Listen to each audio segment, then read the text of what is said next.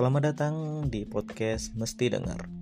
Di sini kalian akan mendapatkan sesuatu yang mesti kalian dengar untuk menjadi pribadi yang lebih baik, lebih sukses, dan tentunya lebih bermanfaat bagi orang lain. So, stay tune dan ayo belajar bareng.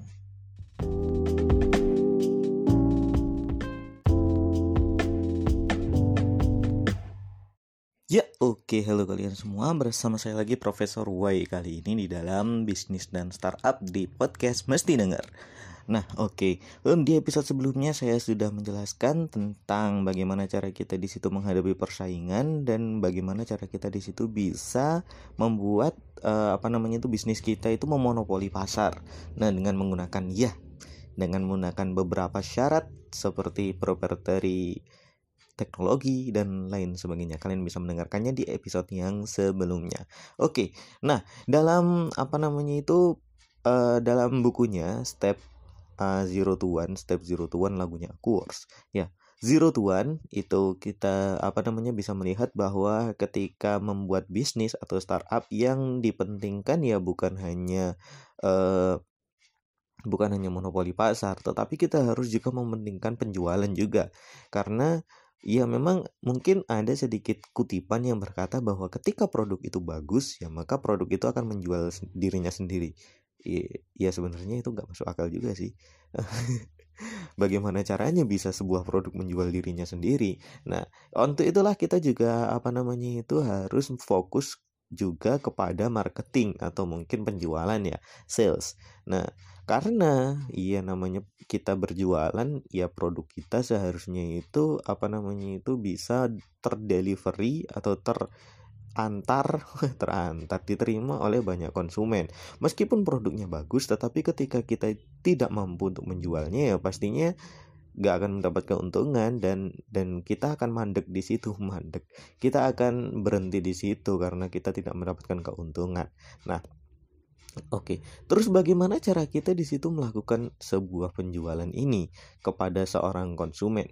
Nah, dalam uh, bukunya lagi, buku orang yang lain adalah namanya adalah The 100 Dollar Startup atau Startup 100 dolar.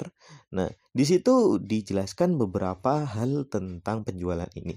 Yang pertama adalah ketika berjualan kalian harus menemukan orang yang tepat orang yang di situ mau untuk uh, apa namanya itu membeli produk kalian ya yes, kalau kalian menjual meskipun sebagus apa pun produk kalian, tetapi ketika kalian tidak bisa menjual kepada orang yang tepat, ya pastinya orang-orang yang mungkin menjadi apa namanya itu uh, uh, potensial customer kalian itu juga agak ah kok produknya seperti ini? Ya kan kalau orangnya nggak tepat ya misalnya contoh kalian apa namanya itu menjual sepatu kepada orang yang tidak punya kaki ya nggak nggak nggak seperti itu. Itu dark ya. Nah atau mungkin kalian menjual mungkin apa namanya buku kepada orang buta. Oh jangan jangan jangan harus lagi. Atau kalian di situ menjual sebuah komputer kepada orang orang yang di situ apa namanya nggak suka komputer. Kalian menjual pen tab atau mungkin pen tab yang biasa desainer itu untuk programmer. Ya nggak ada yang nggak nggak nggak cocok so yang pertama kalian harus kalian apa namanya tentukan adalah kalian harus menjual kepada orang yang tepat jangan sampai menjual kepada orang yang tidak tepat karena itu pasti akan menurunkan sales kalian dan yang kedua, kalian harus menjual dengan janji yang tepat. Maksudnya janji yang tepat apa? Ya kan ketika kita di situ advertising atau mungkin mengiklan itu kan pasti ada janji-janjinya ya. Janji bahwa mungkin produk ini tuh bisa membantu menurunkan berat badan atau mungkin memperbesar. Nah, itu atau mungkin uh, janji-janji bahwa mungkin apa namanya menjadi buku in, uh, produk ini tuh dapat membuat kalian kaya lebih cepat. Nah, itu kan iya janji-janji yang seperti itu. Nah, itu harus tepat juga. Tepat di sini ya ya nggak nggak hanya berarti realistis juga namanya janji juga harus realistis. Jangan sampai janji yang kalian apa nama produk kalian janjikan itu nggak nggak realistis sama sekali. Contoh produk ini dapat membuat anda menjadi malaikat. Nah, itu kan Iya, nggak tahu sih ada yang menganggap realistis atau realistis atau enggak, tapi saya menganggapnya itu hayalan gitu loh. Nah, itu janji-janji yang ah, bukan hanya realistis juga, tetapi harus tepat menancap kepada apa yang diinginkan oleh uh, apa namanya itu audiens kita, oleh customer kita. Contoh customer kita di situ ingin mungkin ingin berbisnis, ya maka mungkin kalian membuat sebuah produk yang di situ apa namanya itu ini belilah produk ini dan bisnis Anda akan sukses atau mungkin ketika orang di situ ingin menjadi pintar ikutilah program kami kalian akan lulus dengan IP cum nah seperti itu. Itu kan janji-janji yang realistis dan juga tepat sasaran. Nah dan itu itu akan membuat penjualan Anda naik juga. Dan yang ketiga adalah dengan waktu yang tepat. Waktu yang tepat. Ya ketika kalian jualan jualannya ya harus waktu-waktu yang tepat gitu loh. Ketika mungkin hujan-hujan. Mungkin hujan-hujan ya jangan jualan apa namanya itu es ya ketika hujan hujan jualan es ya dingin dong.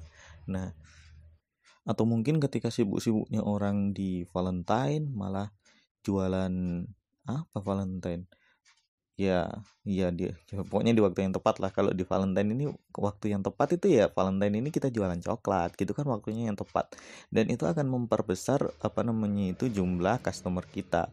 Nah nah oke okay, itu adalah beberapa tips ya sebenarnya tipsnya agak apa namanya umum sekali sih tetapi ya seperti itulah. Mungkin terkadang memang tips-tips yang umum seperti ini itu tidak terlalu dihiraukan karena ya memang terdengar gampang sih tetapi ketika kita analisa lebih dalam mungkin saja bisnis-bisnis kita itu benar-benar membutuhkan tips-tips yang seperti ini.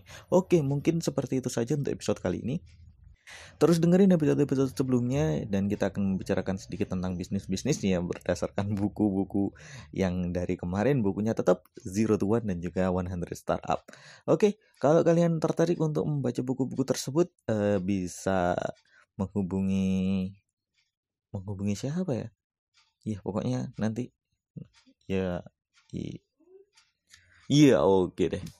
Pokoknya nanti menghubungi saya aja deh. Bagaimanapun caranya untuk menghubungi saya. oke, terima kasih kalian semua sudah mendengarkan dan sampai jumpa.